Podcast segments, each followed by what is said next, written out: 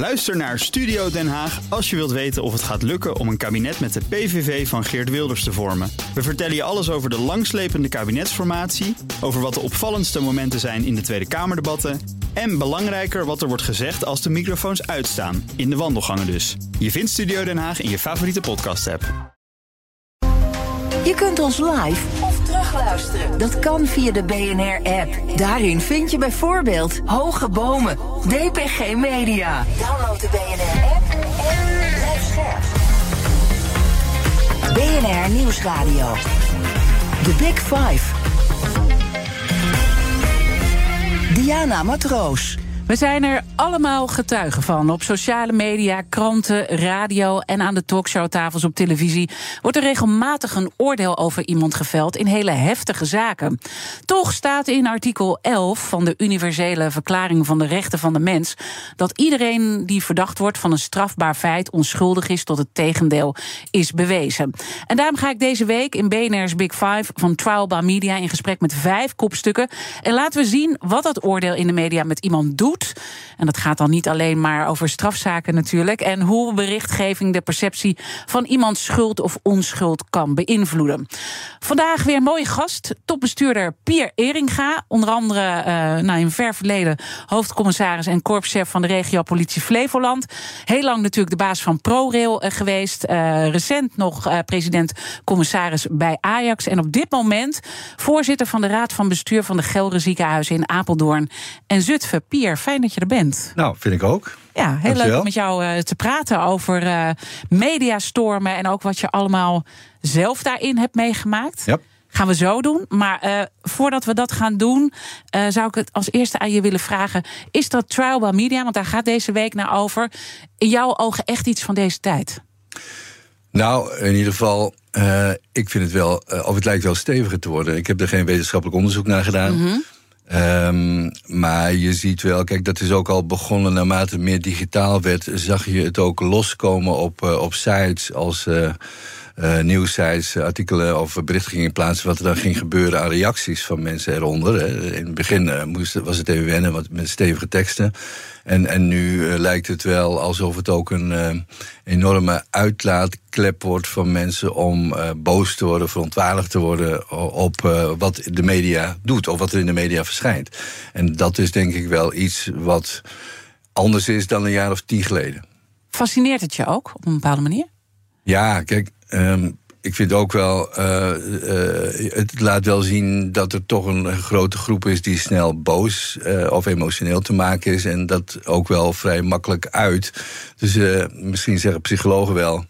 Het, is, heeft ook een functie, want mensen kunnen even hun emotie kwijt, hun boosheid kwijt. Um, uh, kijk, kijk, in het verleden had je natuurlijk in de krant alleen ingezonde stukken. En in die ingezonde stukken uh, moeten mensen dan toch nog even een stukje tekst op papier typen en, en denken er misschien over na. En nu is het wel, kunnen mensen heel impulsief, snel vanaf een zolderkamertje, achter de pc of vanuit de telefoon ja, wel hele stevige, heftige reacties uh, de wereld in slingeren. Ja, uh, straks gaan we natuurlijk ook uitgebreid in op de rol van media daarin, hè? ook van ja. de traditionele media. Want dit wordt dus natuurlijk, ja, is een dynamiek die je ook hebt samen met sociale media. Ja. Maar wat ik nog zou willen vragen aan jou, uh, ook een persoonlijke vraag. Je bent natuurlijk opgeleid aan de Nederlandse Politieacademie, jarenlang korpschef, zoals, zoals ik net al zei. Maakt dat dat je er beter tegen opgewassen bent? Nou, dat is zeker. Weerbaarheid is wel een, uh, ja. is wel een thema wat uh, voorbij komt. En ik vind ook dat je enige weerbaarheid mag verwachten in uh, beroepsgroepen van mensen die op straat werk, belangrijk werk doen. Ambulance mensen, politiemensen, brandweermensen. Die moeten niet bij de eerste beste zijwind omvallen. die moeten tegen een stootje kunnen. geldt ook voor bestuurders. Hè. Dus op het moment dat je bestuurder bent of het gezicht of kopman of vrouw van een organisatie, ook daar hoort bij dat in jouw salaris ingebakken zit.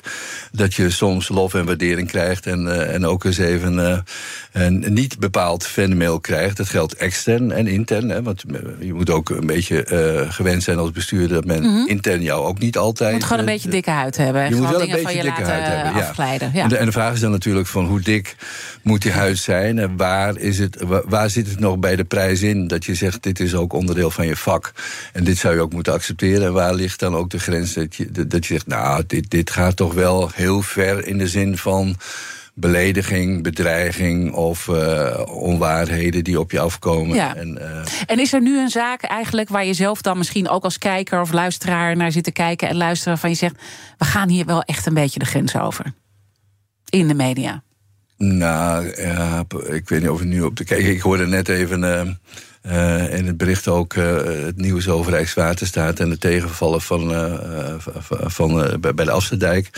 Kijk, dan, dan vind ik wel dat wel vrij snel, en daar heb ik ook nog een beetje gevoel bij, vanuit mijn ProRail-tijd, uh, dat wordt dan als nieuws en als feit gebracht. En dan denk ik, nou, maar misschien is er ook wel iets van een andere kant van een verhaal. Hè? Dat Rijkswaterstaat, die krijgt hem nu even vol uh, te pakken. Of die krijgt hem even, en politiek weet het niet. En dan denk ik, en ik stel dan wel meteen de vraag bij mezelf: is dat wel zo dat de ja. politiek het niet weet? Echt, A en B.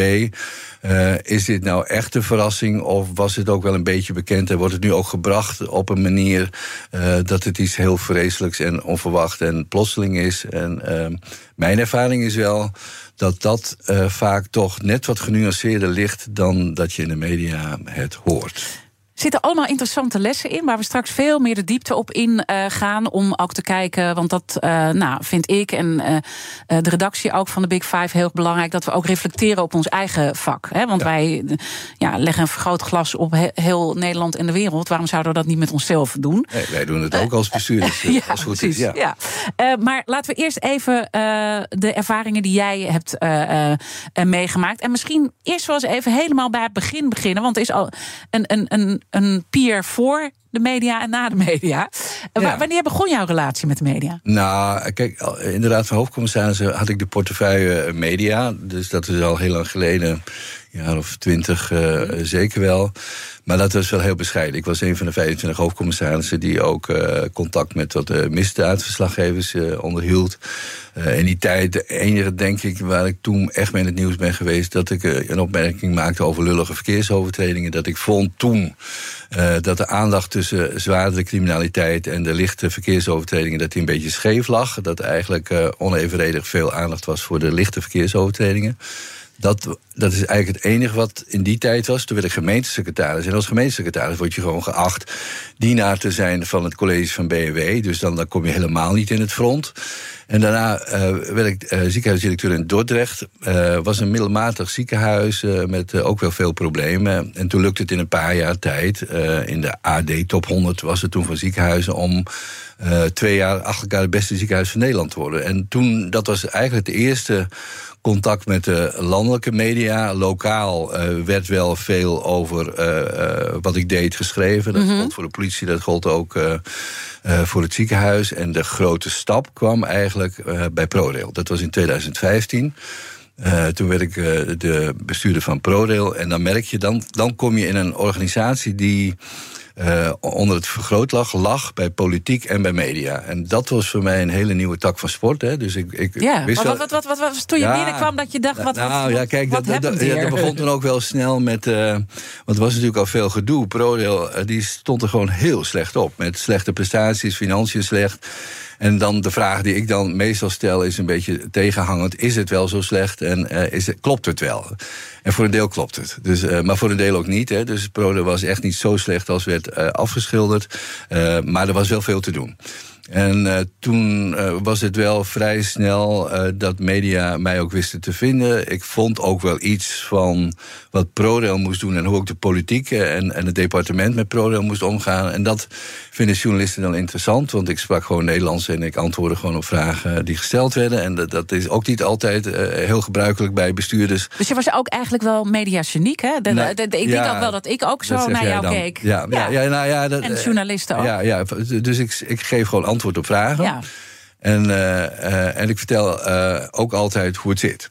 dus ik draai er ook en je niet maakt ook wel eens een grapje of zo. En ik maak wel eens een grapje. En ook iets van zelfrelativering. Hè. Van soms zijn dingen heel belangrijk. En, maar is het vaak niet een kwestie van op leven of dood. Hè. Moet je dan wel doen alsof het op, op leven en dood is. Dus ProRail was wel de eerste grote ervaring.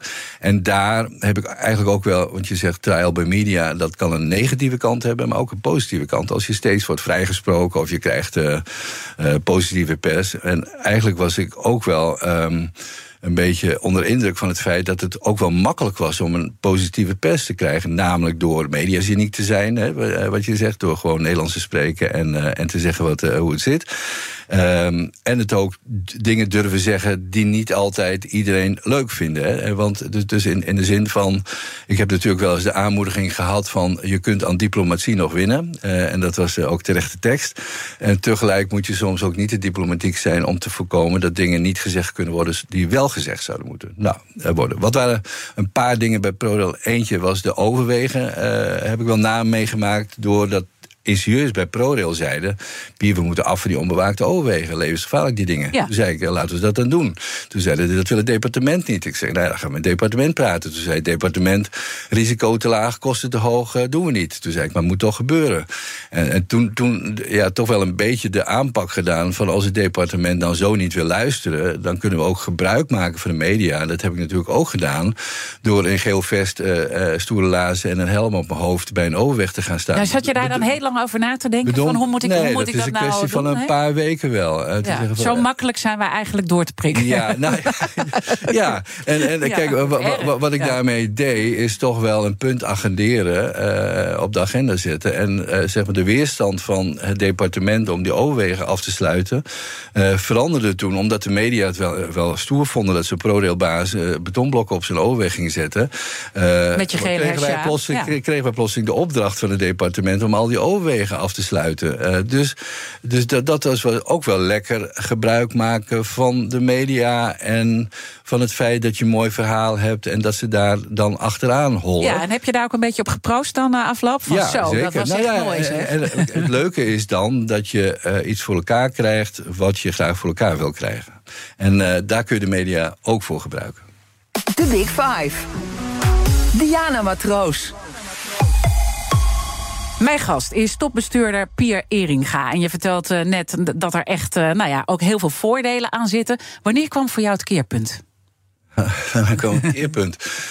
ja, kijk. Um, um, nou, ik heb wel. Het is niet zo dat, dat het alleen maar stijgend was en dat je uh, nooit kritiek kreeg. Maar afgelopen jaar was een bijzonder jaar. Ja. Uh, het, het, jaar 2023. Ik ben toen gestart uh, in Zutphen en Apeldoorn als ziekenhuisbestuurder.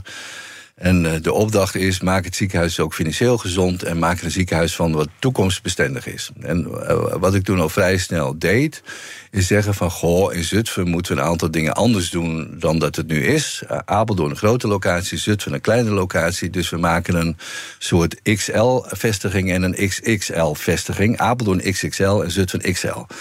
En, uh, en heel concreet betekende dat stoppen met verloskunde. Dus uh, er werden ook minder dan twee baby's geboren. En het afschalen van de spoedeisende hulp. Dus nachts was er bijna geen aanbod mm -hmm. van mensen voor de spoedeisende hulp. Hebben ja. gezegd, dat gaan we anders doen. En dit is natuurlijk iets waar veel ziekenhuizen ook mee worstelen. Zo is het. Speelt ja, het op dit moment ook in Heerlen, Heerlen ja. en Sittard. Speelt Zwolle Meppel. het speelde al in mijn tijd bij het Albert Zwijnse ziekenhuis... tussen Zwijndrecht en Dordrecht. Dus het is eigenlijk een bekend vraagstuk.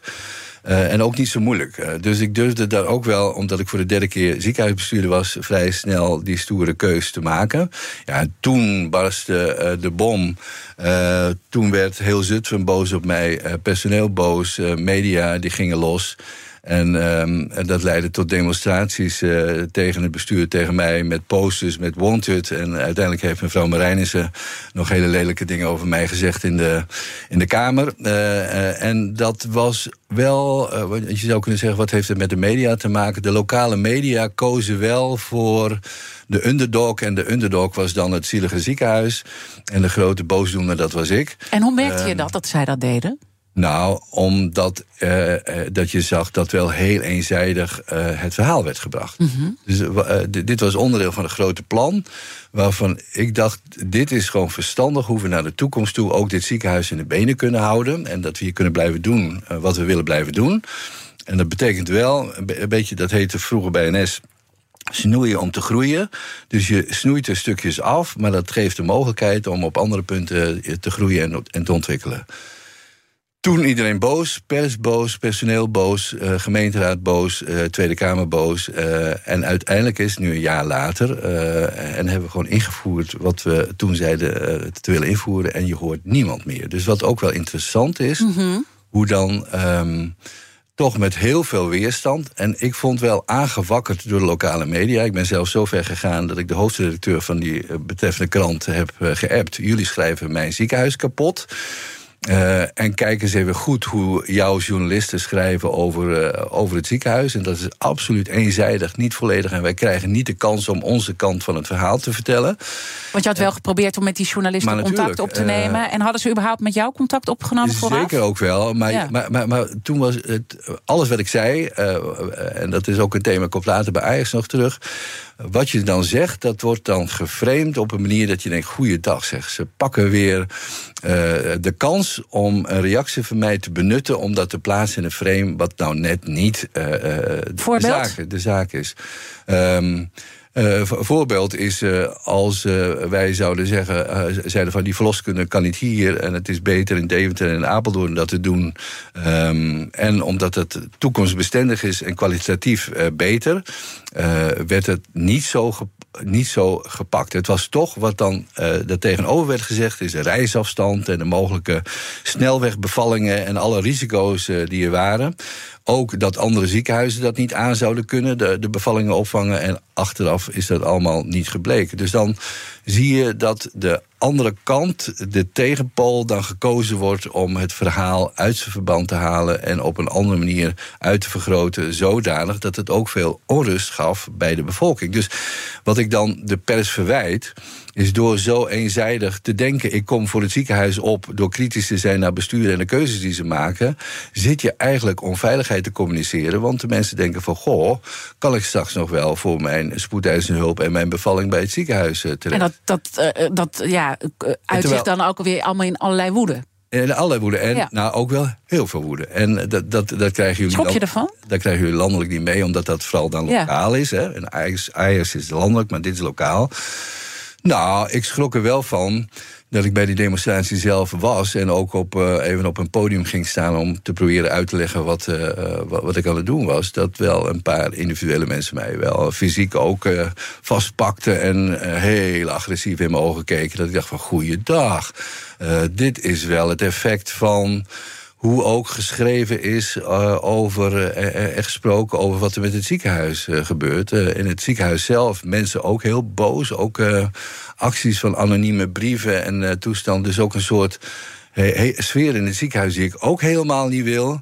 En nou ja, het bijzondere is toch hè, dat als ik denk, ik vind dan, als er genuanceerder was geschreven en de media er wat realistischer in hadden gezeten, was die mate van boosheid nooit zo geweest zoals die toen is. Of geweest. dat ze misschien een stuk hadden geschreven uh, dat het misschien best wel heftig was om jou echt persoonlijk met een hele grote foto met Wanted eronder te zetten. Hè? Dat, daarmee, ja, ja, kijk, had je ook een stuk over kunnen maken of dat te ver ging. Exact, hè. En um, dan denk ik dat um, veel journalisten uh, zich dat, denk ik, onvoldoende bewust zijn van wat dat doet. Hè. Mm -hmm. Kijk, en, en dan kun je zeggen van, ik heb op de politieacademie wel geleerd om tegen een stootje te kunnen. En dat zit allemaal bij jouw uh, vak en bij jouw salaris in. Uh, maar goed, je hebt ook een thuisfront en, en, en, twee kinderen. Die zien dan papa verschijnen op zo'n poster met Wanted. Hè. Dus daar is het effect toch anders. Dus, dus een maat van ongerustheid thuis is dan eigenlijk. Hoe oud zijn je kinderen? Die zijn nu uh, 19 en 21, toen ja. 18 en 20. Uh, ja, dat heeft wel impact uh, dan. Van, goh, papa, hoe gaat het met jou? En wat doet het jou? En is het nog wel veilig? Kun je wel veilig door Zutphen? Nou ja, in die tijd heb ik ook niet bewust... heb ik Zutphen wel even gemeden door niet op terrasjes daar een, een, kopje koffie te drinken. Want ik, ik wist gewoon dat ik dan hele venijnige ogen zou krijgen in mijn richting. En dat is nu niet meer zo. Dus ik kan nu weer door Zutphen ja. lopen. En, en venijnige ogen kan jij volgens mij wel tegen. Maar als ja. het echt op een gegeven moment, hè, wat je zegt, fysiek ook wordt... Ja, zo, dan, dan, dan het wordt het echt een ander dat verhaal was wel natuurlijk. Zo. En, um, ja. uh, en, en, en wat dan net, vind ik... Um, Kijk, je weet het zelf wel van tevoren. Van dit is even een korte pijn die wordt gevoeld. Maar eigenlijk verandert het voor de mensen niet eens zoveel. Maar als het dan zo groot wordt gebracht en ook in een negatief frame wordt gezet dan kun je dus als journalist of journalisten de boel zodanig aanwakkeren en, en aanjagen. Um, dat je misschien zelf ook niet bewust bent van mhm. wat de effecten zijn van wat je opschrijft en welke koppen je maakt. Soms is een artikel ook nog wel vrij genuanceerd. En dan heeft waarschijnlijk op de bureauredactie eh, iemand gedacht van we zetten even een vette kop boven. Of we maken even uh, op de digitale... Ja, en dat is van alle tijden. Hè? Ik bedoel, dat deden we altijd al in dit vak, uh, koppen maken. Maar je zegt wel, die dynamiek is veranderd. En eigenlijk die dynamiek die je ook beschrijft, is dat het dus Ehm, media daar een rol bij spelen, maar dat het uiteindelijk ook uh, door de SP wordt opgepakt. Ja. Ja, en dat is dan natuurlijk weer een dynamiek die er nog bij komt. Ja, nee, maar dat, dat is ook wel interessant. Dat was bij ProRail ook al zo.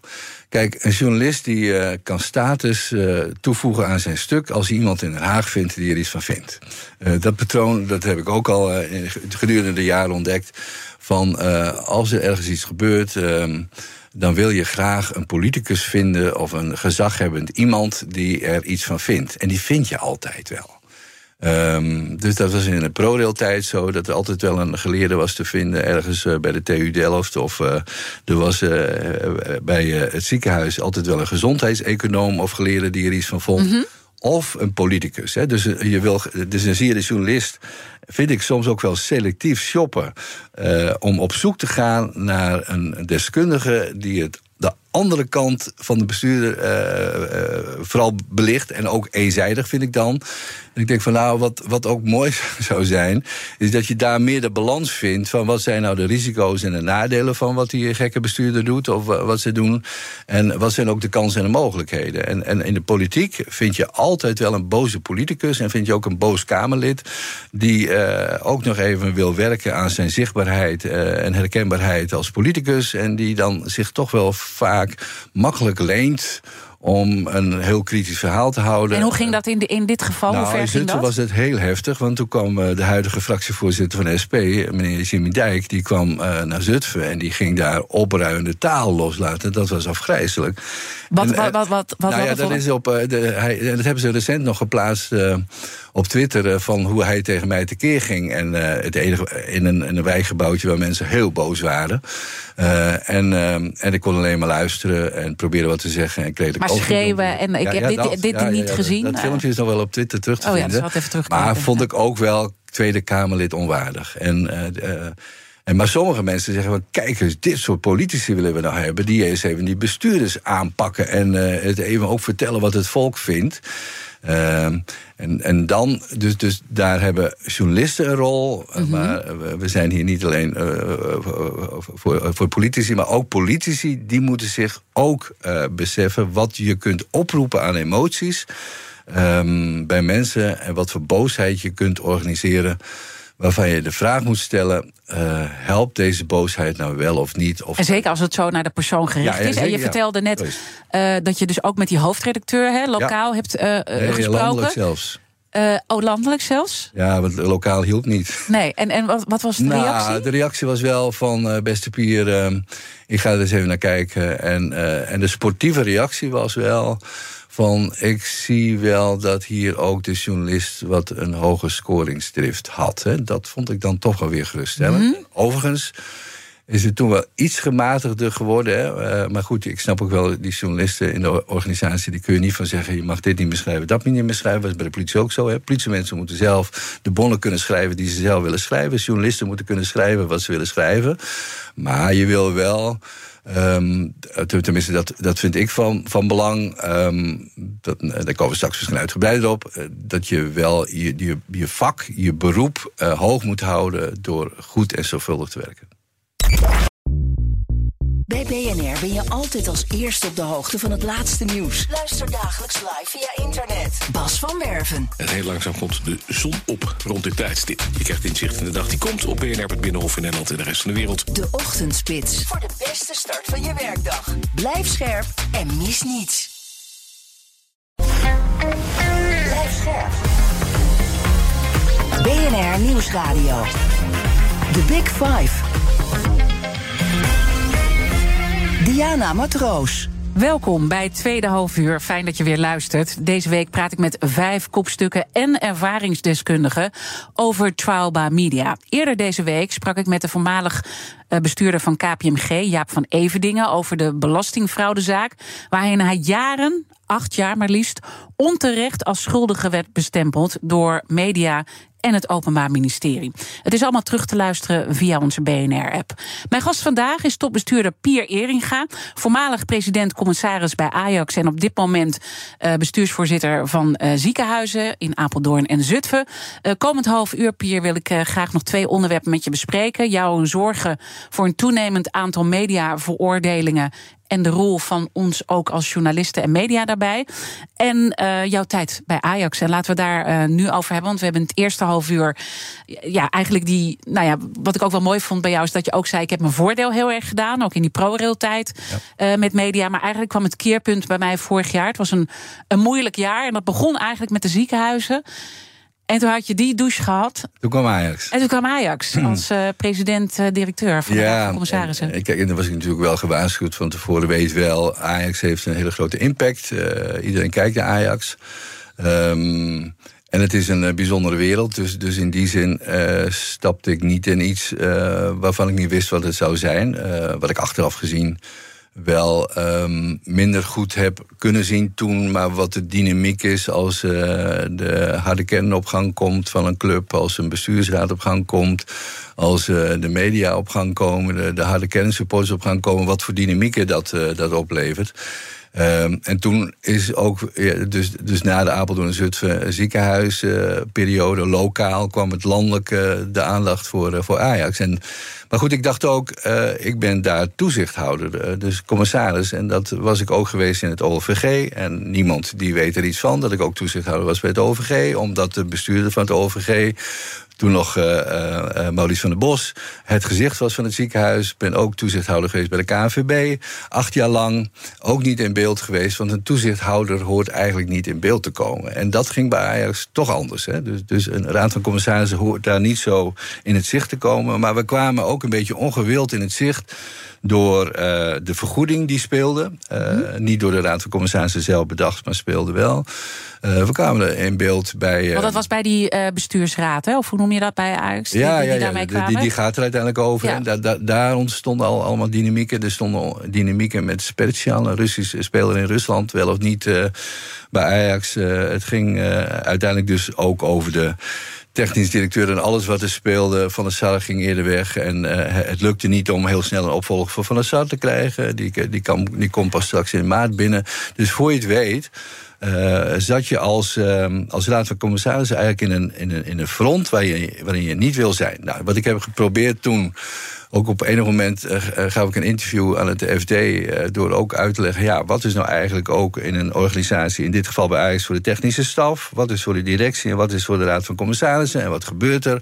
Dus je probeerde eigenlijk die governance structuur uit te leggen. Juist, ja. maar dat, dat, en, en ik dacht van nou, lijkt me wel verstandig om ook de rol en verantwoordelijkheden een beetje duidelijk te maken, want ja, ik snap ook wel dat dat voor iedereen niet, niet even makkelijk is en boem kreeg het verwijt ga eh, feest en paadjes schoon. Hè. Dus werd het gevreemd als, uh, in plaats van uitleggen hoe verantwoordelijkheden liggen, van hij probeert zijn paadjes schoon te vegen. En, dan kom je en dat was niet door het FD, hè? Even nee, dat was niet door het FD. Um, uh, nee, kijk, en dan kom je in de, in de 2D's terecht. De 2D's, uh, Driessen en Derksen.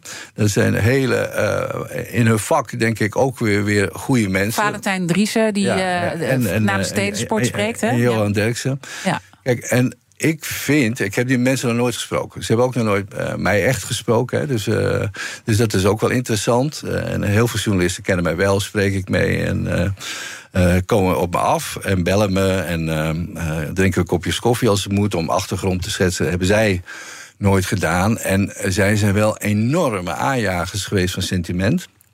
En, eh, en heb, kun, je, kun je zeggen van, nou ja, Driessen plaats ik dan nog maar een beetje in de hoek van journalisten en Derksen van uh, amusement.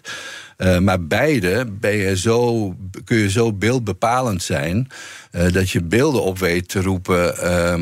Ehm, die soms ook heel ver afzitten van de werkelijkheid. Hè. Er is geschreven wat ik over Maurits Hendricks vond, hè, waar geen letter van waarde is.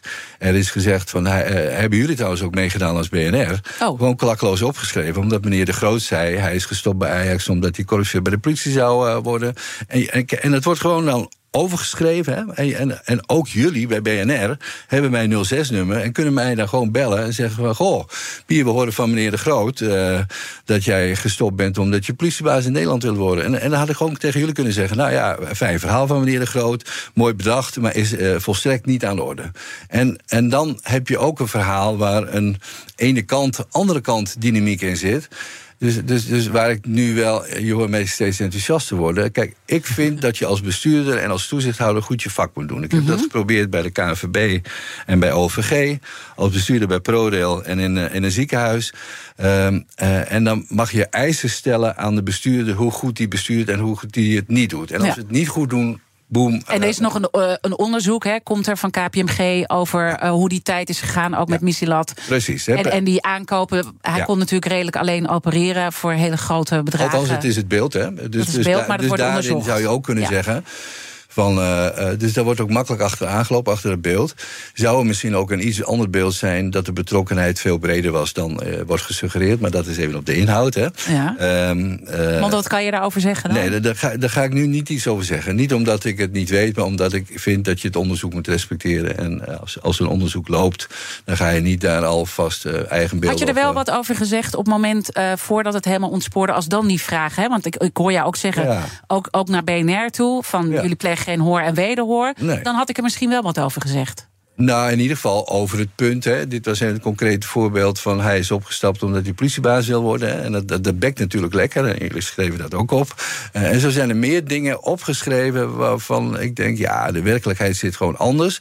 En dan is over ook een bij bestuurders wel een uh, afweging. Ga je op iedere suggestie die wordt gedaan en die niet juist is, ga je erop reageren? Nou, dan kun je een hele dag druk zijn met soms ook het nuanceren en het bijstellen van verhalen die soms ook door journalisten worden gemaakt. Uh, of doe je dat niet, omdat je ook nog gewoon je werk hebt. Hè? Uh, en daarom vind ik, hè, dus zeker als het gaat om journalisten, dat ze. Ik heb ooit geleerd op een basiscursus die, we ook, die ik ooit ook heb gehad, van het principe van horen wederhoor. En één bron is geen bron. En, en ik vind dat, uh, wat ik zie, dat vrij makkelijk, wat ik zelf heb ervaren ook. -hmm dat vrij makkelijk het principe van horen wederhoor wordt geschonden. Uh, dus wordt wel vrij snel en makkelijk achter één verhaal aangehold. En als het in mijn geval gaat, je kunt me altijd bellen. Uh, ik zal het 06-nummer niet hier geven, maar ik ben uh, laagdrempelig bereid om mijn reactie te geven. En heel vaak, in die gevallen, wordt mij niks gevraagd, omdat ze ook weten dat dan een andere kant van het verhaal komt en dat dan een deel van het verhaal ook niet meer een verhaal is.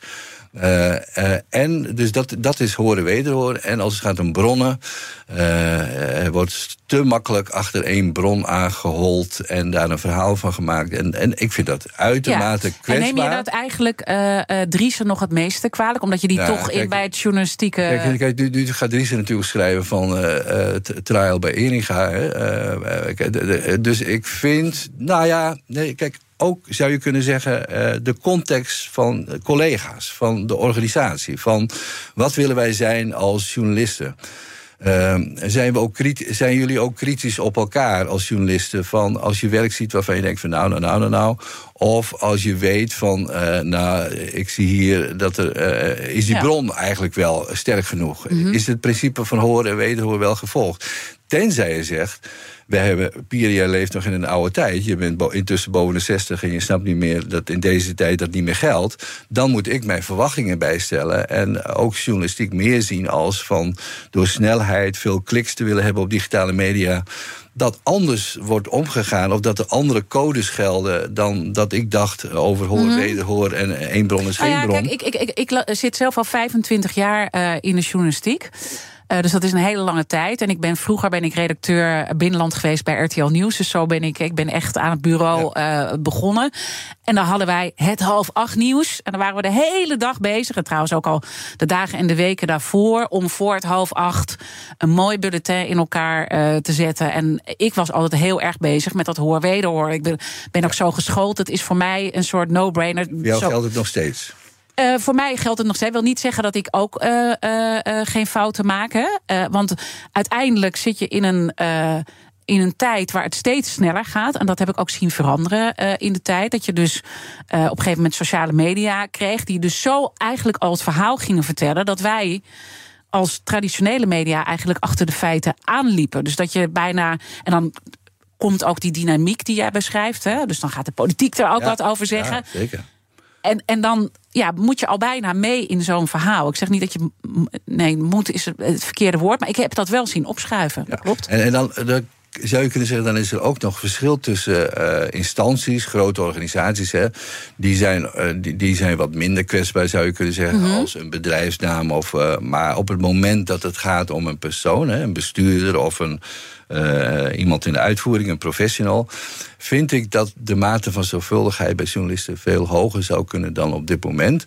Uh, dus dus, dus, dus wat, je, wat, ik graag meer zou willen zien, uh, dat ook journalisten daarover zelf meer de discussie voeren. Mm -hmm.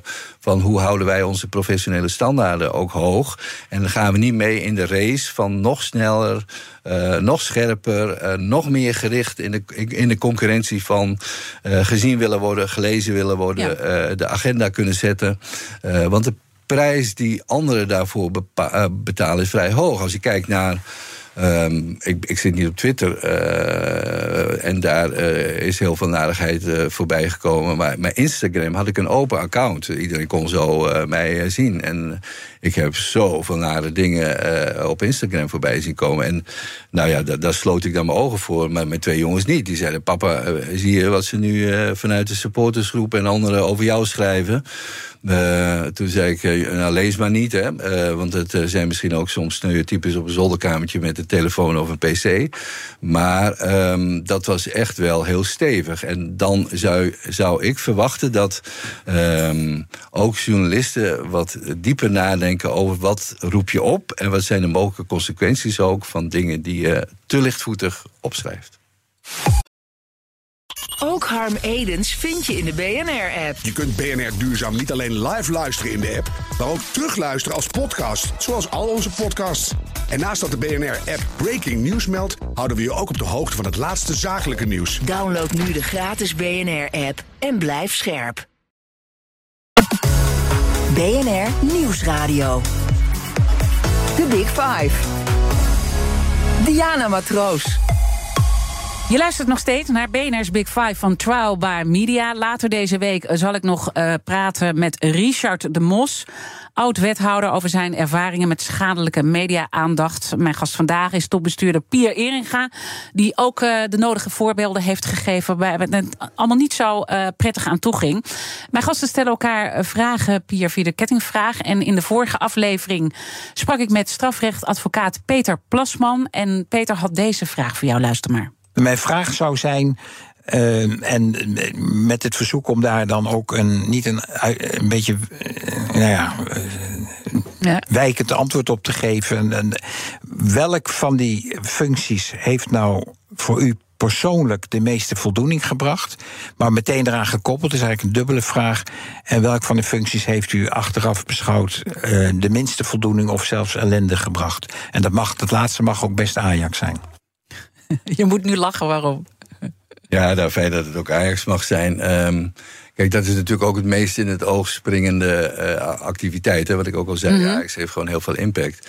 Um, nou ja, kijk, als het gaat om voldoening, ik heb twee rollen, uh, vind ik leuk om te doen: bestuur en toezicht houden. Toezicht houden gedaan bij uh, OVG, fantastisch mooi om van achter de schermen het bestuur te, te, steunen en te prikkelen als het nodig is. Hè. Dat doe je als toezichthouder. Bij de KNVB acht jaar lang ook dat met veel voldoening uh, gedaan.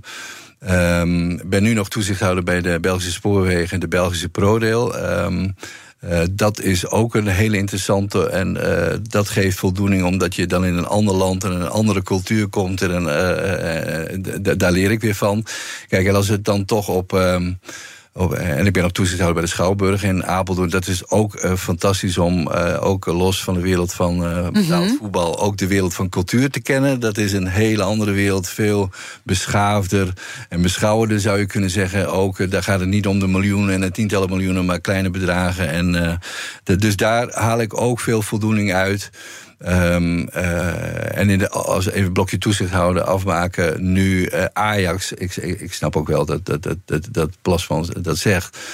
Kijk, je kunt zeggen, het heeft niet de voldoening gebracht die ik daarvan had willen hebben. Want uh, je begint zoiets en je wilt het ook afmaken. Ja. Dus dat heb ik uh, moeten afbreken. En Na een half jaar. Ja, dat, is niet, dat geeft geen voldoening.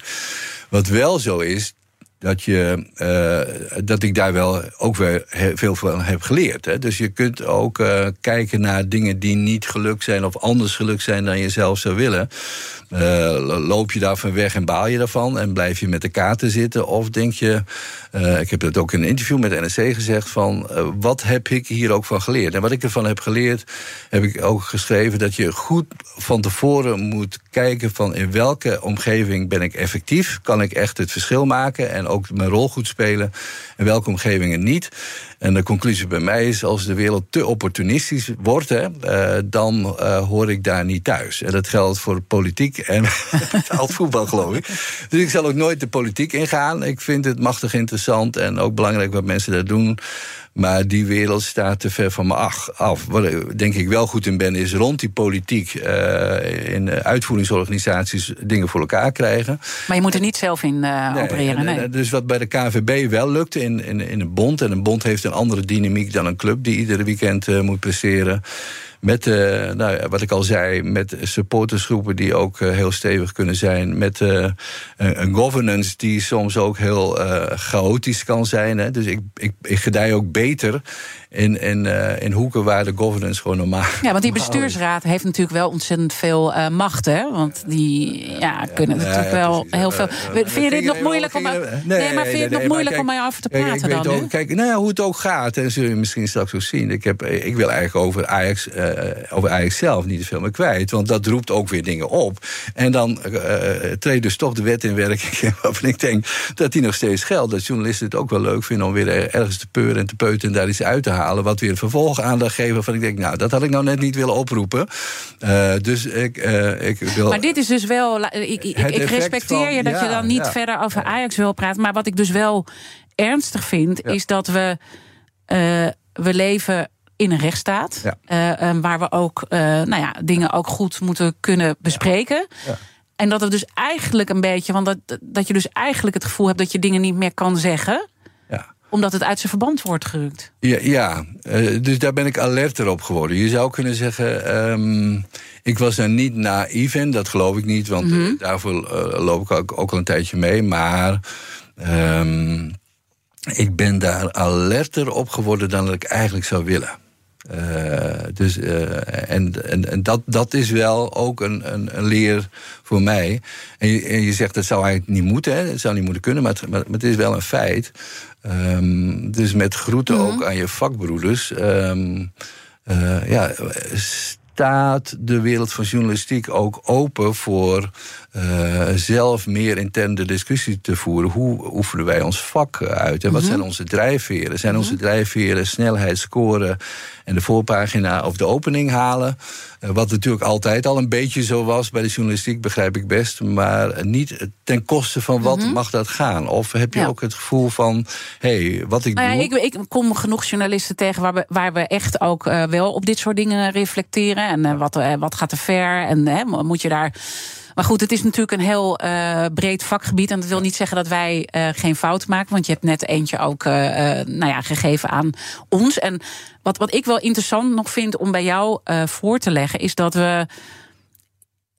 Die verantwoordelijkheid van journalisten is helder. Maar wat is nu de verantwoordelijkheid voor ons als maatschappij? Want wat ik in die 25 jaar ook heb gemerkt, is los van de snelheid uh, door de druk van sociale media, waar wij ook mee worden geconfronteerd, en de polarisering in de politiek, uh, waar wij ook mee worden geconfronteerd, is dat uiteindelijk nieuws ook gratis is geworden, ongeveer voor iedereen. En dat ons vak ook best wel is uitgehold. En wij vaak ook moeten opboksen tegen een cordon aan voorlichters aan de andere kant, waar we soms niet doorheen komen. Misschien bij jou niet, maar nee, is een algemeen. Hoe, hoe, kijk je daarnaar? En, en al die mensen die lezen ook al die verhalen. Hè? Die kant is er ook. Dat, dat zie ik ook wel. Dus daarin kunnen eh, organisaties en bestuurders ook veel handiger worden en, en beter worden dan dat, uh, dan dat we zijn.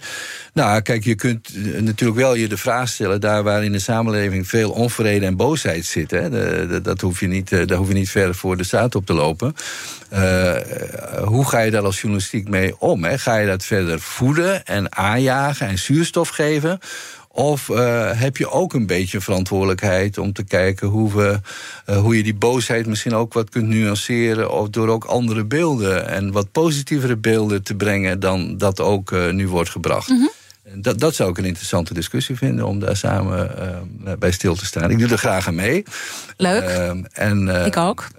Dus organisaties en instituties die kunnen wel wat hebben. Maar op het moment dat het ook op de persoon komt, toch even een tandje zorgvuldiger misschien. ja.